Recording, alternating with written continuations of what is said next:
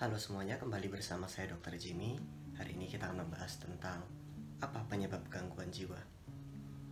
Beberapa orang masih berasumsi gangguan jiwa disebabkan oleh karena kurang iman misalnya atau kurang beribadah misalnya atau misalnya kurang positive thinking, kurang bersyukur gitu. Well, maybe beberapa bagian di antara itu berpengaruh terhadap kesejahteraan jiwa namun untuk menentukan seseorang mengalami gangguan jiwa atau tidak, tidak sesederhana seperti itu. Tidak ada faktor tunggal yang berperan satu-satunya sehingga dia mengalami gangguan jiwa. Contoh, tidak ada orang yang karena kurang bersyukur kemudian jadi gangguan jiwa. Tidak seperti itu. Atau tidak ada orang yang karena dia kemudian kurang positive thinking, kemudian dia mengalami gangguan jiwa. Atau kalau kita mau menyentuh isu yang lebih sensitif, tidak terbukti bahwa orang yang misalnya kurang ibadah kemudian dia mengalami gangguan jiwa. Gangguan jiwa tidak sesederhana seperti itu. Ada faktor-faktor yang saling kait terkait dan begitu kompleksnya sehingga seseorang mengalami gangguan jiwa. Di media sosial saya beberapa kali saya sebutkan tentang bahwa seseorang mengalami gangguan jiwa karena faktor biopsikososial. Ada faktor biologis, ada faktor psikologis, dan ada faktor sosial. Ketiga faktor ini sangat kompleks, jadi hari ini kita akan membahas dua saja. Faktor biososial, psikologisnya kita kesampingkan bukan karena tidak penting, tapi karena terlalu kompleks untuk dijelaskan. Jadi untuk mempermudahnya saya akan jelaskan dua saja. Faktor psikologis akan dibahas di lain kesempatan dalam beberapa part yang lebih luas lagi untuk dibahas nantinya. Nah, apa yang dimaksud faktor biososial? Seseorang terlahir dengan kondisi tubuh tertentu, kondisi biologis tertentu dengan kerentanan tertentu. Contoh, ada orang-orang yang lebih rentan terhadap nyeri kepala sementara orang-orang lain tidak. Ada orang-orang yang lebih rentan terhadap diabetes mellitus atau penyakit gula sementara orang lain tidak. Ada orang-orang yang lebih rentan terhadap penyakit hipertensi sementara orang lain tidak. Ada orang-orang yang rentan terhadap alergi sementara orang lain tidak. Dan ini wajar. Kita tidak pernah mempertanyakan seseorang kok kamu sensitif banget terhadap udang sih tuh orang-orang lain aja makan udang biasa aja aku biasa aja. Kamu harusnya biasa aja. Nggak ada kan yang ngomong kayak gitu. Ketika seseorang sensitif terhadap udang dan dia alergi kita memahaminya kita mengertinya. Oh dia sensitif terhadap udang. Oh it's okay. Berarti udangnya kita singkirkan dari makanan. Bayangkan kalau kejadian ini terjadi pada urusan perasaan. Kok kamu sensitif sekali terhadap penolakan sih?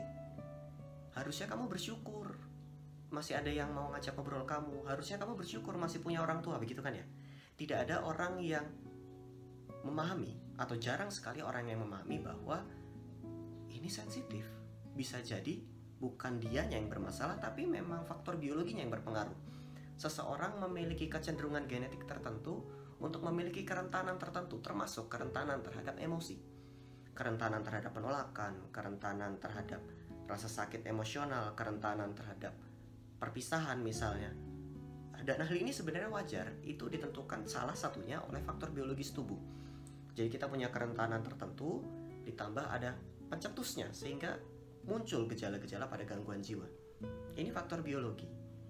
Artinya seseorang memang sudah memiliki kecenderungan tertentu. Apakah ini bisa dikendalikan? Hal ini tidak bisa dikendalikan. Yang bisa kita kendalikan adalah faktor-faktor di luar. Karena genetik sudah ya turun menurun begitu saja yang bisa kita kendalikan adalah pencetusnya. Pertanyaan selanjutnya, apa maksudnya biososial? Itu kan baru faktor biologis. Sosialnya seperti mana? Faktor sosial. Kondisi biologis ini bisa dicetuskan oleh berbagai macam kondisi-kondisi di luar yang berpengaruh terhadap mental seseorang.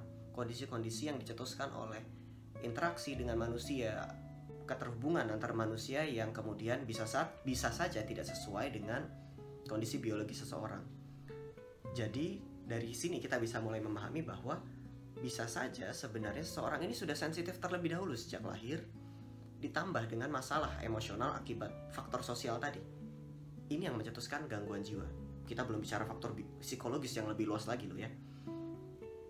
Faktor biososial bisa menjelaskan dengan lebih sederhana bahwa seseorang tidak sesederhana itu mengalami gangguan jiwa karena kurang bersyukur it's to simplify bahwa kadang seseorang terlahir dengan masalah tertentu atau misalnya dia mungkin tidak terlahir dengan masalah tertentu tapi dalam proses perkembangan tubuhnya dari usia 0 sampai 3 tahun misalnya dia mengalami permasalahan kehidupan yang sangat berat misalnya atau adverse life event kehidupan yang sangat buruk di masa kecilnya misalnya dan itu mempengaruhi kondisi genetiknya, kondisi tubuhnya yang mencetuskan berbagai macam reaksi tubuh dan membuat dia pada masa tuanya nanti mengalami kerentanan tertentu.